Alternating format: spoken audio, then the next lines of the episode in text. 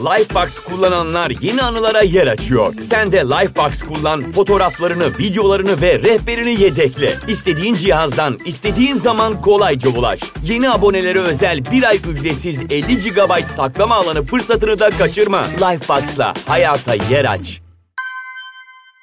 Herkese merhaba, gelişi güzel hayallere hoş geldiniz. Ben Emine. Bu kanalda psikoloji, felsefe, bilim ve farkındalık çerçevesinde hayatı daha yaşanılabilir kılmak için düşüncelerimi ve hayalini kurduğumuz benliğimize ulaşmak için günlük hayatta uygulanabilir pratik yöntemler paylaşıyorum. Ek olarak her çarşamba günü podcast'te bahsettiğim konuya ilişkin kaynaklar, kitap önerileri ve bir de kişisel farkındalığımızı arttırmak adına bir soru ile e-bülten gönderiyorum. Eğer ilginizi çeker ve benim de mail kutuma düşsün bunlar derseniz emineysitmen.com slash podcast adresinden kayıt olabilirsiniz. Eğer benimle birebir çalışmak isterseniz de Yine aynı adresten koçluk başlığına tıklayıp bilgi alabilir ve bana LinkedIn profilimden ulaşabilirsiniz. Bugün çok tatlı hatta dünya tatlısı bir konuğum var ve onunla güzel bir kariyer yolculuğundan, değişen bir kariyer yolculuğundan bahsedeceğiz. Tutkularının peşinden koşmasından bahsedeceğiz. Bugün Pelin Sarıkaya bizlerle. Kendisi bir tiyatro sanatçısı. ODTÜ'de çevre mühendisliği bitirdikten sonra diyor ki ben mühendis olmak istemiyorum ve tekrardan tiyatro okumaya başlıyor. Şimdi de Mersin'de tiyatro sanatçılığını icra ediyor. Pelin hoş geldin. Merhabalar, hoş bulduk. Ee, beni bu güzel podcast'te konuk ettiğin için çok teşekkür ederim Emine'ciğim. Çok mutlu oldum. Ben de sadık bir dinleyicisi olarak aynı zamanda. Ben teşekkür ederim. Asıl vaktini ayırıp bugün bize hem hikayeni anlatacağın için hem de böyle güzel tatlı sohbetinle eşlik edeceğin için bilmeyenler için ben söyleyeyim. Pelin'le ben Instagram'da düzenli olarak konuşuyoruz, dertleşiyoruz, böyle hikayelerimize cevap yazıyoruz ve ben Pelin'in hikayesini bilmeme rağmen hiç aklıma gelmedi nedense daha önce Pelin'i buraya konuk etmek ve dedim ki Pelin sen niye bana konuk olmuyorsun? O da dedi ki bilmiyorum ben de hani düşünüyordum ama bilmiyorum ve sonunda bugün bu kaydı yapmaya karar verdik. Şimdi Pelin'cim ben senden birazcık bu tiyatroya olan ilgin, oraya nasıl evrildiğin bunları hep dinlemek istiyorum. Ama tabii ki her zamanki gibi sohbet havasında geçecek ve aklıma soru geldikçe ben onları düzenli bir şekilde sormaya çalışacağım sana. O yüzden çok fazla konuşmak istemiyorum. Mikrofonu sana vermek istiyorum. Çünkü şu ana kadar böyle tanıdığım en mutlu insanlardan bir tanesisin gördüğüm kadarıyla. Bize bunun sırrını da anlatırsın diye umuyorum artık. Yani Mersin'in nemi diyormuş mutluluğum sıcak bir yaz gününde. Ee, biraz işte hayatımdan bahsedeyim istiyorum ben de. Ee, Ankara'da doğdum, büyüdüm. Babam ben çok küçükken işte bir yaşındayken, iki yaşındayken falan beni Ankara Sanat Tiyatrosu'nun oyunlarına götürürdü. Gidermişim. Çok kucakta gidip izlediğim çok olmuş falan. Çıkışta işte oyuncular beni kucağına alır severlermiş. Şimdi tabii babam çok pişman böyle bir şey yaptığı için. Başımıza bela aldık falan diyor. E, ortaokulda işte dershaneye gidiyorum e, ve bir moral eğitimi, moral gezisi olarak bizi işte dershane tiyatro oyununa götürmeye karar verdi. Sınava gireceğiz falan. E, o benim hatırladığım ilk izlediğim tiyatro oyunu. Ben o oyundan çok etkilenmiştim. E, Haldun Taner'in Gözlerimi Kaparım, Vazifemi Yaparım o Ankara Devlet Tiyatrosu'nun oyunuydu. E, işte oradaki o vicdani karakteri, başrol karakter, e, yaşadıkları o kadar güzel bir oyun ki zaten çok güzel icra ediliyordu, çok güzel oynanıyordu. E, beni çok etkiledi çünkü bir hamlesiyle, bir cümlesiyle seyirciyi kahkahaya boğarken bir başka cümlesiyle işte gözyaşları içinde bırakabiliyor falan. Ben o zaman çok etkilenmiştim ve o zaman da böyle günlük tutuyorum. Hala durur o günlüklerim. Şey yazmış işte ben büyüyünce tiyatrocu olmaya karar verdim. Hatta işte o zaman gitar kursuna gönderiyor beni ailem. Hatta şey bile yazmışım. Tamam artık gitarı bırakıyorum tiyatroya yönleniyorum. Sanki siyah ve beyaz aynı anda olamazmış gibi. Ama daha sonra böyle bu konuda bir adımım olmadı. Herhalde çekindim. Birazcık çekingen bir çocuktum. İşte o zaman sınavları girdim, liseye gittim, Ankara'da okumaya devam ettim. Sonra üniversite sınavına hazırlık süreci geldi. Hala hiçbir adım atmadım. Çok e, herhalde kendime güvenmedim o alanda. Ve hani annem babam da hem benim hem de kardeşimin bizim eğitimimiz için çok uğraştı. O yıl ben çok çalıştım, çok hazırlandım falan. O, oraya yazdığım bir günlük parçası olarak kalmaya devam etti. Hiç denemeyi bile düşünmedim. Daha sonra işte zaten ODTÜ başladı. Orada çevre mühendisliğini kazandım. Orada hala mesela işte ODTÜ oyuncuları var burnunun dibinde. Hala bir çekingenlik var bende ve girmedim oraya. Sonra bir gün e, zaten hep orada kütüphanede takılırdım. Kütüphanede bir ilan gördüm işte. Üniversitelerin e, bir hani politikası vardır ya başka bölümlerden de sanat bölümlerinden de ders aldıralım öğrencimize. Bu dersler genelde hani işte kolay not ya geçelim tadında olur hatta işte özellikle bizim için mühendislik okuyorsan gerekir. Ben orada tiyatro dersi olduğunu gördüm. Şimdi dönüp bakınca şey diyorum yani neden gidip bir kulübe katılmadın ODTÜ oyuncularına? Hele ki yani onlar çok başarılıydı gerçekten. Hala da öylelerdi eminim. Niye kulübe katılmadın da bir ders almaya karar verdin? İşte hani biraz kişinin kendini tanımasıyla alakalı sanırım. Ee, ben hayatta kendimden en çok emin olduğum yer ders çalışmakmış. Ben bunu şimdi anlıyorum. Yani bu bir kulüpse ben çok çekinirim ama bu bir dersse tamam ben o derse girebilirim o zaman. Hani bunu yapabilirim falan. Ondan sonra orada işte tiyatro dersi almaya başladım. 2-3 dönem kadar falan aldım. Derken işte ODTÜ'den mezun olma e, senem geldi. Artık son sınıfa geçeceğim. Düşündüm 22 yaşındasın. İşte mezun oluyorsun. Tamam her şey yolunda gidiyor. Güzel. Okunur mu acaba bir kere daha? Gibi bir düşünce oluştu kafamda o yaz. Zaten o zamana kadar işte sürekli Ankara'da çok güzel bir tiyatro çevresi vardır. İşte özellikle devlet tiyatrosu ve işte diğer özel tiyatrolar. Oyunlara gidiyorum, izliyorum. Hala görüştüğüm orada güzel arkadaşlıklarım da hatta oluştu. Devlet tiyatrosundaki sanatçılarla birkaç tanesiyle bana çok da hani yol gösterdiler bu anlamda. Durdurmaya çalıştılar, yapma. Dinlemedim. Neyse. Ee, onların da tabii şeyiyle hani hayatıma girmesiyle bir şekilde benimle iletişimde olmalarıyla işin iyisini, kötüsünü, avantajını, dezavantajını, benim yaşayabileceğim sıkıntıları anlatmasıyla falan ben o yıl mezun olacağım yıl dedim ki ben bu işi deneyeceğim. Sonrasında zaten ODTÜ'den mezun oldum.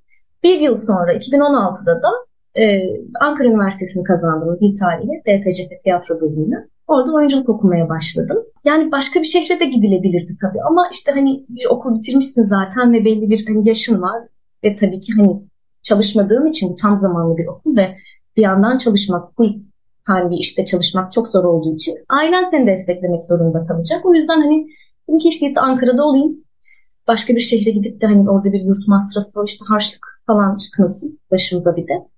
Ondan sonra işte dil tarihi okurken de e, bir yandan işte özel ders vererek falan işte etüt merkezinde çalışarak falan hiç değilse harçlığımı çıkarayım gibi. Son sınıfımız bizim şeye denk geldi. Pandemiye denk geldi. 2020'de mezun olduk biz.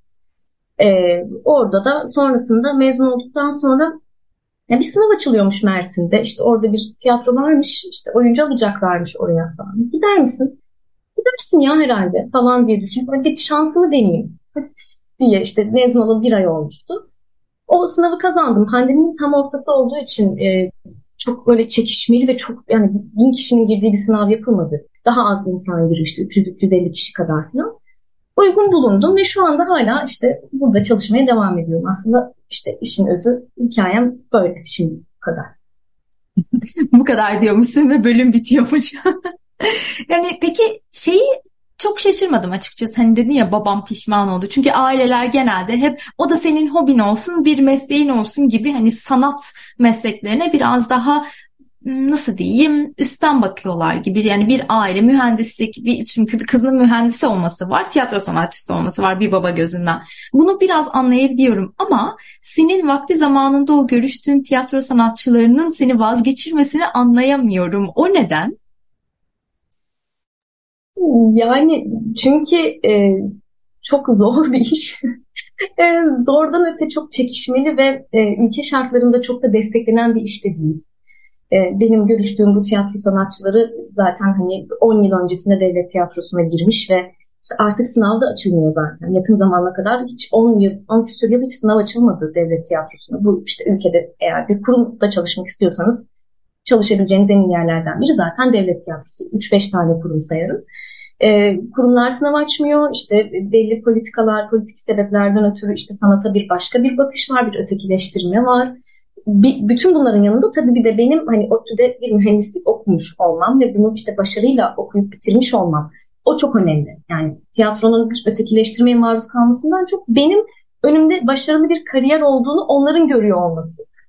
benim görmüyor, onların görüyor olması e, çok önemli. O yüzden zaten dediler kızım saçmalama işte hani tamam bir şey bir başka bir yeri kazanamamış olsan ve işte umut vaat etmiyor olsan tamam. Yani ne kadar üzücü aslında. Yani, yok bir yeri kazanamayan insan sanatçı olacak değil illa ki. Kesinlikle öyle bir şey yok. Ama maalesef geldiğimiz koşullarda işte kaç yedi yıl öncesinden bahsediyoruz. O zaman bile böyleydi. Yani benim çok, çok güzel bir kariyer olacak senin yapma. Ama dinlemedik. Peki sen nasıl hissediyorsun? Sence sen doğru seçimi yaptın mı? Sen hani geriye dönüp baktığında ne düşünüyorsun? Şimdi bu çok zor bir soru.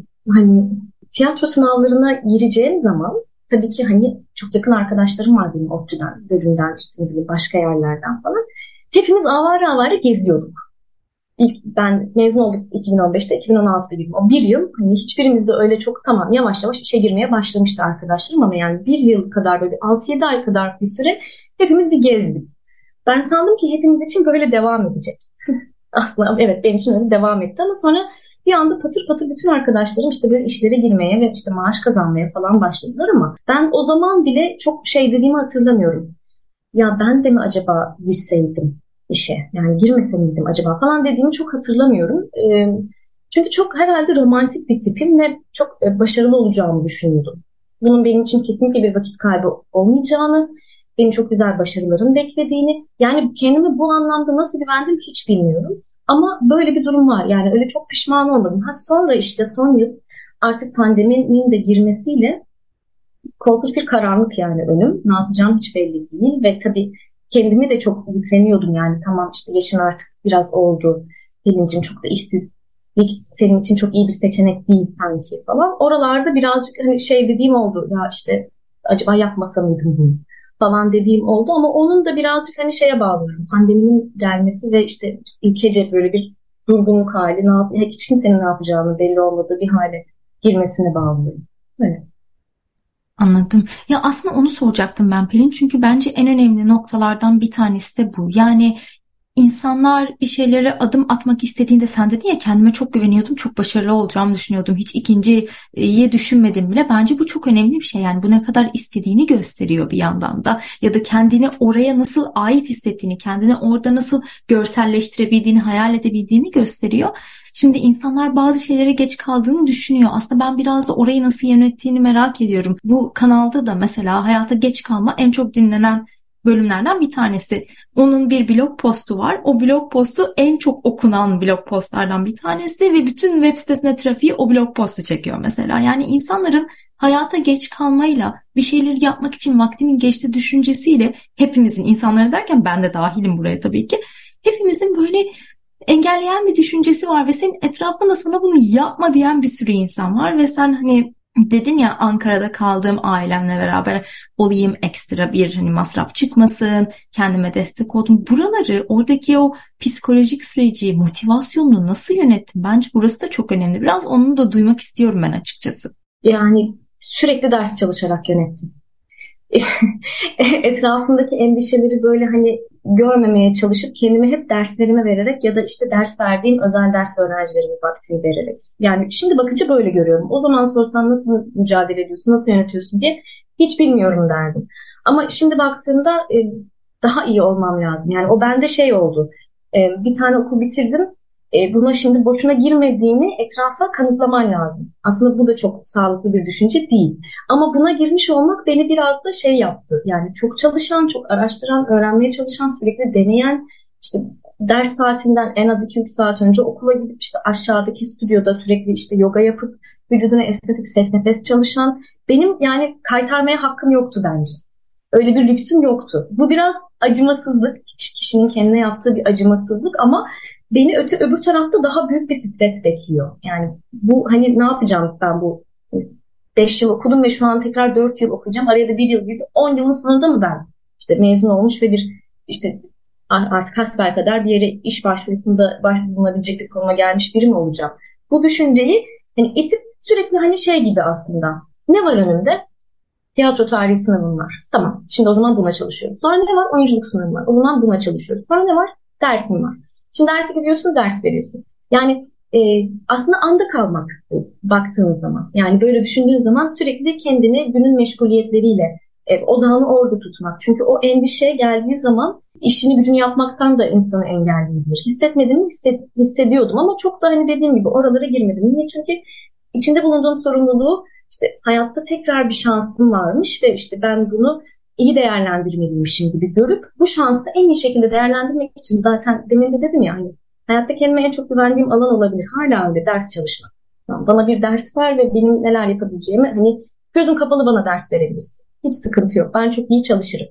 O yüzden ben hep çalıştım. Sürekli işte ders çalışarak işte sürekli bir de hep bir adım sonrası. Hayır, üç adım sonrası değil. Orası şu an benim işim değil. Mezun olunca ne yapacağım? Hiç değil. O iki yıl sonrasının işi, üç yıl sonrasının işi. Şimdiyi düşünüyoruz Pelin'ciğim. Aslında biraz böyle anda kalarak sanırım mücadele. Bu dediğin şey çok güzel bir şey bu arada. Çok teşekkür ederim hani bunu paylaştığın için. Çünkü bizi biraz da o büyük resmi görmek yani büyük resmi görmek çok önemli. Çünkü nereye varmak istediğini belirliyorsun. Ondan sonra sen çok güzel bir şekilde küçük hedeflerini yapıp bir sonraki hedefim ne? Tamam oraya tik attım yaptım bir sonraki hedefim neye ulaşabilmişsin ama genel olarak bizi ondan alıkoyan 8 adım sonrasını düşünüp onun için endişelenip Allah kahretsin nasıl yapacağım deyip sonra da kendi motivasyonumuzu kendimizin düşürmesi de olabiliyor. Aslında sen hani çok akıllı bir biçimde tamam o benim işim değil 2 sene sonra mı? Çünkü insanın ilk düşüneceği şey ben mezun olunca ne yapacağım olur. Ama sen o mezun olduktan sonrasının işi deyip oraya odaklanabilmişsin. Bence bu çok güzel. Teşekkür ederim paylaştığın için. Peki sen dedin ya hani tiyatrodan önce yogaya gidiyordum, nefes çalışıyordum. Yoga, tiyatro onların ilişkisi nedir? Ben şaşırdım şimdi duyunca. Birazcık o tarafları da anlatabilir misin? E, tabii benim çok sevdiğim bir sınıf arkadaşım vardı. Hiç yoga yapmamıştım ben işte birinci sınıftayım. Birinci sınıfta bizim oyunculuk hocamız e, o bize şey ilk bir dönem sahnede kelime söyletmedi bize. Hep böyle yapıyor zaten. E, sadece çıkıp koşup işte crossfit yapıp hit yapıp haftada 3 saat 4 saat bir ders ve sadece böyle geçen bir ders. Neden? Çünkü hepimiz çok kapalıyız, çok katıyız ve çok işte kas gücümüz düşük. Öyle gitmiyor. Benim de öyleydi zaten. Hani hiçbirimizin öyle değil sınıfta.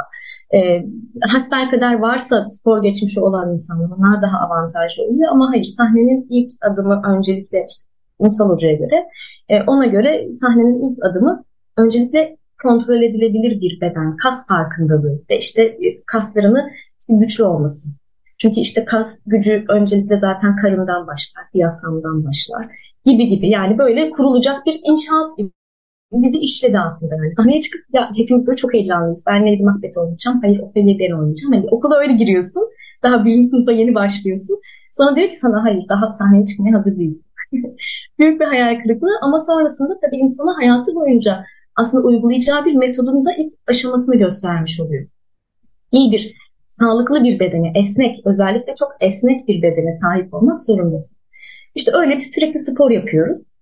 Allah'ım ne zaman başlayacağız biz oynamaya falan da bir yandan kuduruyoruz böyle bir yere. İşte bir gün arkadaşım dedi ki sahne çalışacağım. Biz de böyle ikimiz de o da ODTÜ'den terkti. Ee, biz de böyle çok hani şeyiz işte kitabı uydurmayı seven kızlarız. Sahne çalışacağız. Ee, Shakespeare'den bir sahne artık ikinci dönem olmuş demek ya da ikinci yıl. Gel dedi yoga yapalım. Önce vücudumuzu açalım falan. Ben de o ne ya falan. Önce müthiş bir ön yargı. Daha sonra işte e, ılgınla başladım o arkadaşımla yogaya. Ee, şimdi çok insan hafifliyor ve gerçekten o kas gelişimini çok güzel hissediyorsun.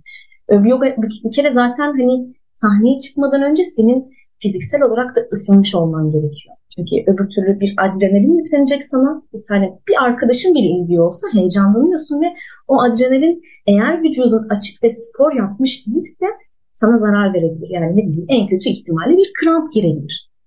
Dolayısıyla işte hani o hocamızın da bize dediği gibi sahne çalışmakla bir oyunda oynamak arasında bir fark görmeyeceksin. Aynı disiplinle ikisini yürüteceksiniz. Bu sizin hayatınız boyunca sizde bulunması gereken disiplin dediği için biz sahne çalışmadan önce işte hep yoga yapmaya başladık. Sonra işte okulda yoga yapmaya başladık. Bir yoga kulübü kurduk falan. Yani işte arkadaşım kurdu. Ben de işte sürekli ikinci adam olarak oradayım. İşte en önde yoga yapıyorum. Daha sonra bu benim kendi yolculuğum olmaya başladı. Kendim yoga yapmaya başladım. Bir sürü yoga evine gittim. E, Mersin'e geldiğimde de denem, denemelerim devam etti. Yapmaya devam ettim falan. Bir de tabii yani sadece tiyatro için değil yoga hayatta da sana mesela bir gün bir hoca şey demişti bana yogada herhangi bir pozisyonda dururken herhangi bir asanadaki senin verdiğin tepki veya senden çıkan duyguyla verdiğin tepkiyle hayatında bir olaya verdiğin tepki arasında bir fark çok bir fark yoktur aslında. Lifebox kullananlar yeni anılara yer açıyor. Sen de Lifebox kullan, fotoğraflarını, videolarını ve rehberini yedekle. İstediğin cihazdan, istediğin zaman kolayca ulaş. Yeni abonelere özel bir ay ücretsiz 50 GB saklama alanı fırsatını da kaçırma. Lifebox'la hayata yer aç. Bu çok böyle insanı aydınlatan bir bilgi. Evet, ben mesela işte duruyoruz pozisyonlardan birinde. Çok yorulunca böyle bir şey yapıp düzelip iki saniye durup nefes alıp tekrar pozisyona giriyorum. Dedi ki Pelin bak hayatında böyle yapıyorsun aslında. Buna tabii bunu hayatınızı böyle yorumlamak istersek yorumlarız gibi bir şey de düşünülebilir. Ama bence hakikaten öyle. Ben bir zorlukla karşılaştığım zaman bir kaçayım ben bir iki dakika bir nefes alayım siz durun bir su içeyim geliyorum gibi davranırım. Hep öyle yaparım. Benim ufak kaçışlarım çok vardır. Onu keşfetmek de benim için çok şey oldu, e, iyi oldu. Bir de tabii dediğim gibi esnemek, esneklik çok önemli. Çünkü e, mesela işte sahnedeyiz ve bir e, pozisyon şeydesin, bir karakter oynuyorsun. Mesela Antigone oynuyorsun.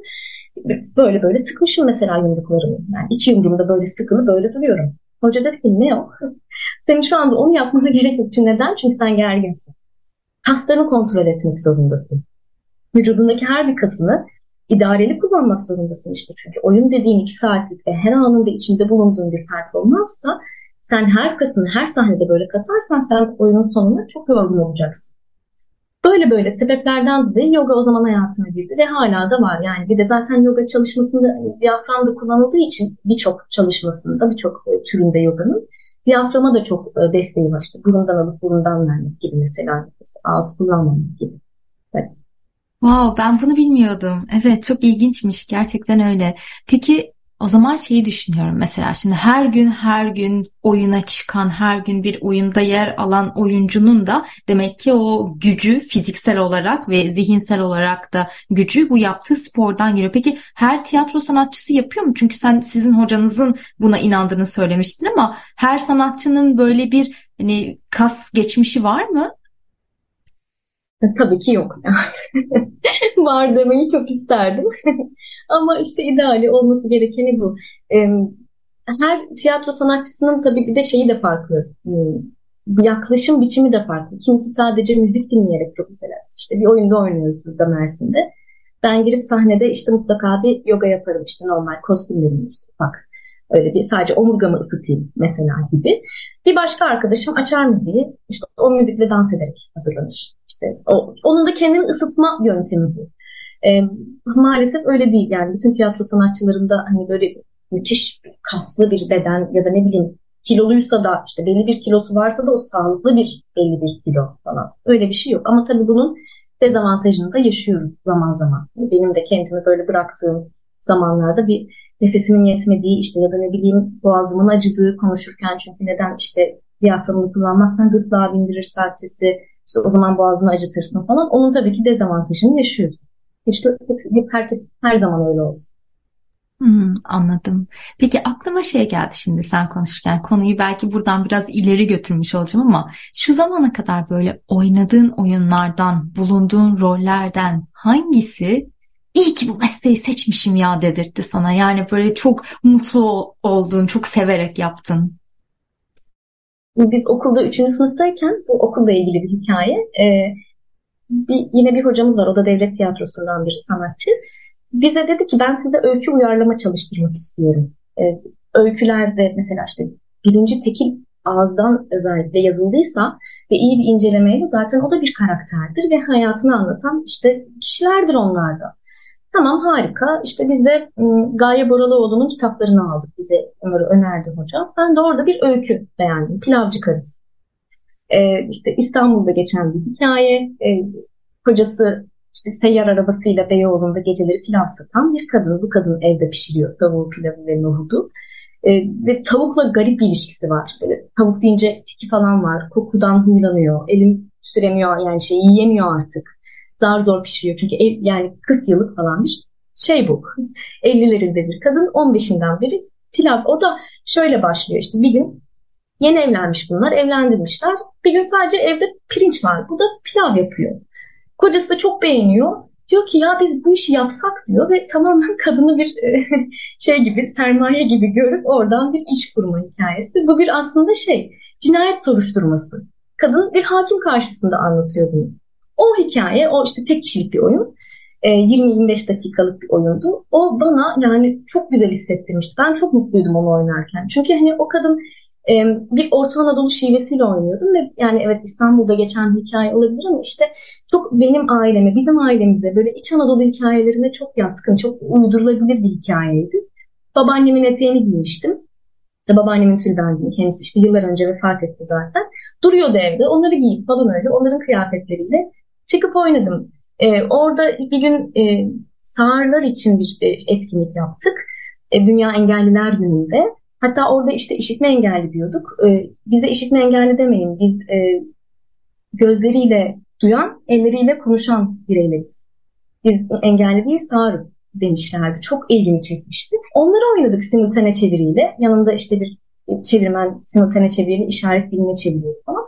O, o yüzden onlara da tabii çok alan açan. Çünkü ben bir tane parmakla önünde durduğum gibi oynuyorum. Böyle anılarım var benim o rolle ilgili. O yüzden hiç tadı damağımda yani hala. Çok severim onu.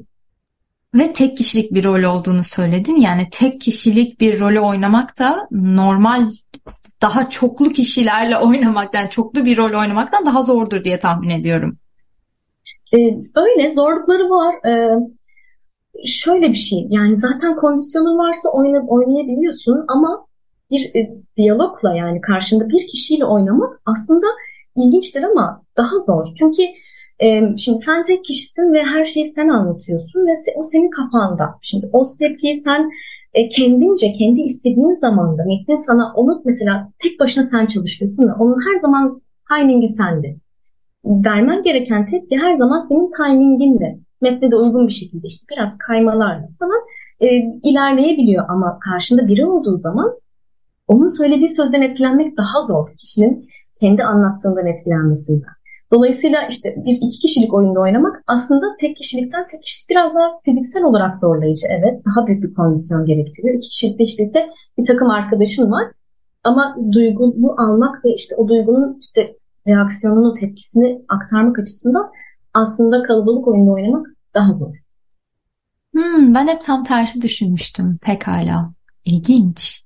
Peki sen ne kadar süre Mersin'de kalacaksın? Şimdi Mersin'de oradaki tiyatroda çalışıyorsun. Orada nasıl işte şimdi devlet tiyatrosuna çalışmak nasıl? Bu mesleği yapmayı düşünenler, devlet tiyatrosuna çalışmayı düşünenler varsa diye de sormak istiyorum. Bu işler nasıl işliyor? Her 4-5 senede bir yer mi değiştiriyorsun? Başka yere mi transfer oluyorsun? Ya da buradan sonra özele mi geçiyorsun? Özele geçmek bir opsiyon mu değil mi? Birazcık da böyle sektörden, oyunculuktan hani bu işler nasıl oluyor Türkiye'de biraz onlardan bahsedebilir misin? Çok merak ettim ben de. Hani bilmiyorum tiyatrocu olmak gibi bir niyetim yok ama hazır seni bulmuşken sorayım. Ee, ben Mersin'de devlet tiyatrosunda değilim. Mersin'de yok devlet tiyatrosu çünkü Adana'da var. Devletin böyle bir politikası varmış. Mersin'de opera, Adana'da devlet tiyatrosu gibi bir yapı var. Ben burada Büyükşehir Belediyesi'ndeyim, şehir tiyatrosundayım. E, bizde e, tabii devlet tiyatrosunda yıllardır kadro açılmıyordu. İşte son zamanlarda açılmaya başladı yavaş yavaş. Bir zorunlu hizmet var tabii ki. Mesela gidiyorsun Diyarbakır'da çalışıyorsun 7 yıl. E, detayını tam da bilmiyorum ama belli bir süre sonra te, senin bir tayin hakkın e, doğuyor ve sen istediğin büyük şehire e, tayin olabiliyorsun. Bizde yerel yönetim tiyatrosuyuz biz. Dolayısıyla e, bizde öyle bir tayin durumu yok. E, işte onun için olsun diye belli çalışmalar var şu an işte kendi içimizde. Türkiye'deki diğer şehirlerin, büyükşehir belediyelerinin şehir tiyatrolarıyla birlikte yaptığımız, yürüttüğümüz ve bir tane çalışmamız var. O inşallah bir yerlere varırsa evet yani işte tayin olabilir, ne bileyim dekor, kostüm paylaşma olabilir gibi işler. Yani bir devlet tiyatrosu gibi bir yapı aslında kurulmuş şehir tiyatroları içinde. Aslında biraz böyle şeylerle uğraşıyorum buraya girdiğimden beri. Mersin'e girdiğimden beri. Yani sadece oyuncu olarak çalışmak yerine daha farklı görevlerde de yer aldım. İdari bir görevim oldu. Yakın zamana kadar o sürdü. Şimdi işte hala oyuncu olarak devam ediyorum. İşte İstanbul'a gidip de kamera önünde e, kamera önünü denemek ya da İstanbul'da özel tiyatroları denemek bir bir hayat seçimi. Yani o çok büyük bir seçim bence. O yapıp yani benim mesela Mersin'e gelmem gibi. O süreçte ben Mersin'e gelmeyip işte İstanbul'a gidip orada bir kendime bir ajans bulup, bir menajer bulup e, auditionlara da girebilirim. Bu çok e, istikrar istiyorsan, hayatında bir düzen olsun, belli bir gelirin olsun istiyorsan evet kurum. Kurum tiyatrosunda çalışman lazım. Ama yok hayır ben bekleyebilirim. E, kendimi idame de ettirebilirim. Başka işlerde de çalışırım. Ama ben vurursam voleyi tam vuracağım. Diyorsan evet o zaman senin yolun İstanbul. Ama işte maalesef hani son zamanlarda özel tiyatro dediğimiz zaman akla tabii ki ilk başta İstanbul geliyor.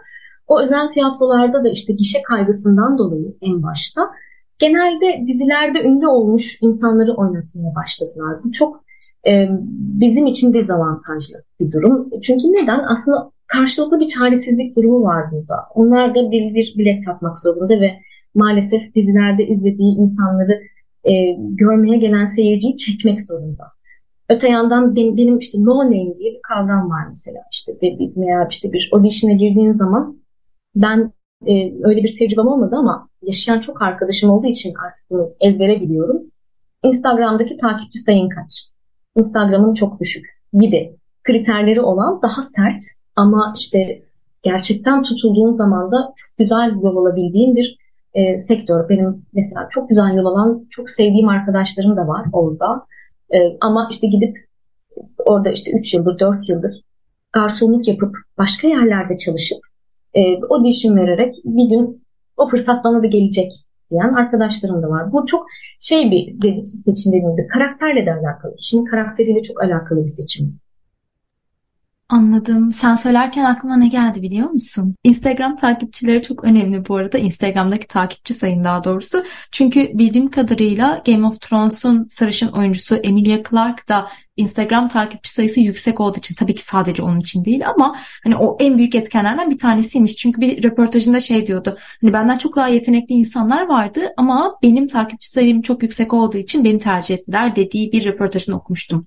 Bu arada şey nasıl oluyor peki şimdi tiyatro, opera, müzikal bunlar arasında geçişler oluyor mu? Hazır şimdi buradan da sormuşken bunlar arasında geçişler oluyor mu? Yoksa sen tiyatrocu başladın ve hayatına tiyatrocu mu devam ediyorsun? Yoksa bir müzikalle devam edebiliyor musun? Ya da istesen her ikisini yapabiliyor musun? Ee, o biraz senin kabiliyetine bağlı bence. Ee, çok iyi şarkı söylüyorsan opera yine de zor tabii. Opera başka bir şey. Onlar başka bir eğitim. Başka bir ses eğitimi. Aynı anda hem opera hem tiyatro okuduysan eyvallah tabii ki. Ama e, bir tiyatrocunun bir opera eserinde bir solist olması hatta bir korist olması çok düşük ihtimal.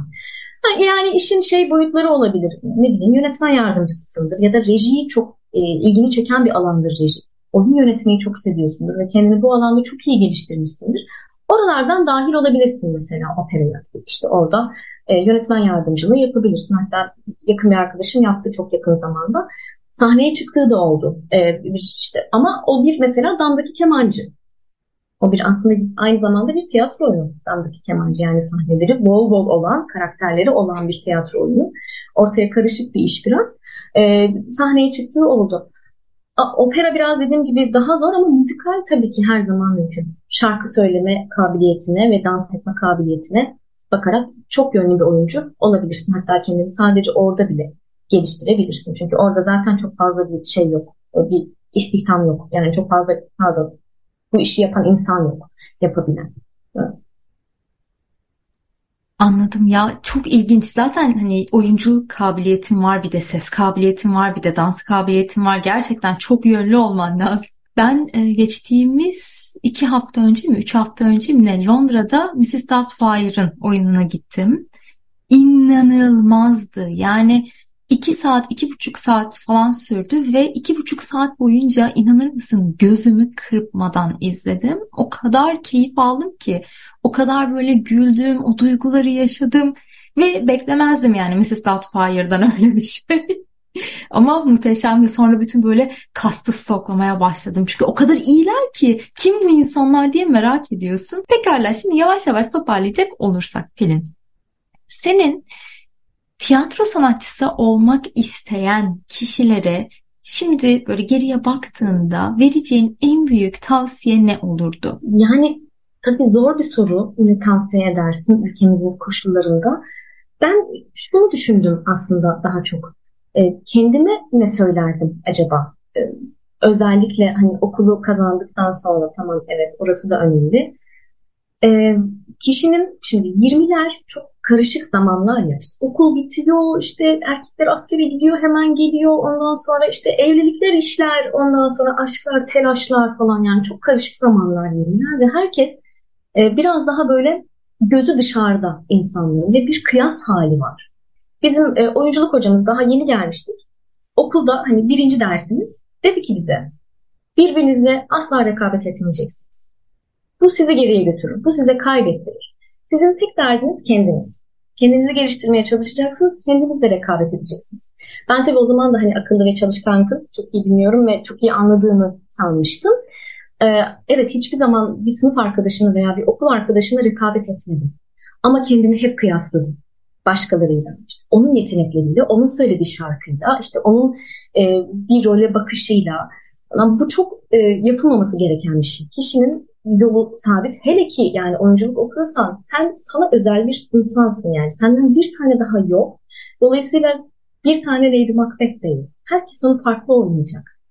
Dolayısıyla kendini arkadaşımın oynadığı gibi oynayın, arkadaşımın oynadığı kadar iyi oynayın gibi bir rekabet değil de kıyas içine sokmak gerçekten e, vaktini boşa harcamana sebep oluyor. O yüzden herhalde kendime derdim ki Pelin kendine dön ve kendini daha iyi tanımaya çalış. Sen nasıl bir insansın? Senin e, gücünün sınırı nerede? Yapabileceklerin neler, yapamayacakların neler? Mesela neyle vakit kaybet harcamak, neye vakit harcamak e, senin için bir vakit kaybı olacak aslında. Bunu düşün. Dolayısıyla şimdi oyunculuğu kazanmış ve okuyan e, genç meslektaşlarıma e, şunu söylemek isterim. Hayır başkasına bakmayacaksın. Sorunu kendi içinde çözüp kendi sınırlarını bildiği zaman çünkü kişi e, karşısına çıkan veya çıkma ihtimali olan herhangi bir sorunu nasıl halledebileceğini daha iyi anlıyor. Ama öbür türlü sen kendi gücüne sınırını bilmediğin zaman korkunç bir endişe ve stres. Ne yapacağım? Mezun olunca ne yapacağım? Ya da ne bileyim bu sınavla ne yapacağım? Bu rolü ben nasıl oynayacağım? İşte arkadaşlarım beni eleştirirse ne cevap vereceğim? Bence bunlar biraz da kişinin kendini tanımamasından, kendi gücünün nerelere varabileceğini, yani nerelerde güçsüz olduğunu bilmemesinden kaynaklanıyor. Ha oyuncu olmak isteyen arkadaşlarıma da zaten son zamanlarda öyle hani çok ben tiyatroda çalışmak, tiyatro yapmak istiyorum diyen insanla da karşılaşmadım maalesef. Hiçbirimiz karşılaşmıyoruz. Çok daha böyle ben gideyim işte kamera önünde kendimi işte orada görmek istiyorum diyen insanlarla karşılaşıyorum. Varsa eğer hani tiyatro sahnesinde bulunmak istiyorum. Çok oyun izlemek çok önemli bence mutlaka çok oyun izlenmeli. İşte bu Londra'daki büyük tiyatroların Globe, e, Royal Theatre, ondan sonra National Theatre bunların mesela şeyleri var.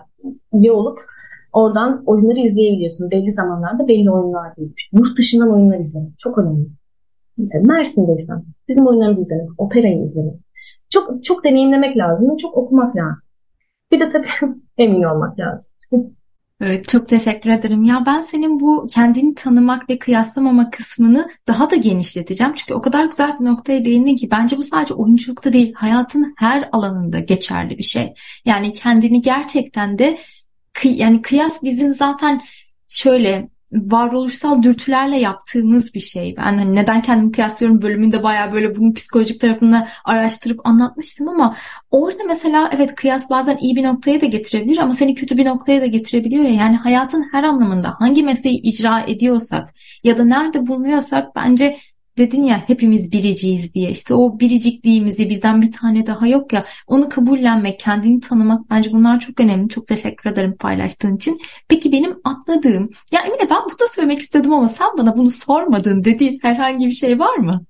Yok yani benim de hani konuşmak istediğim e, her şeyi hemen hemen konuşmuş olduk. Zaten dinlediğim için daha önceki bölümlerini de.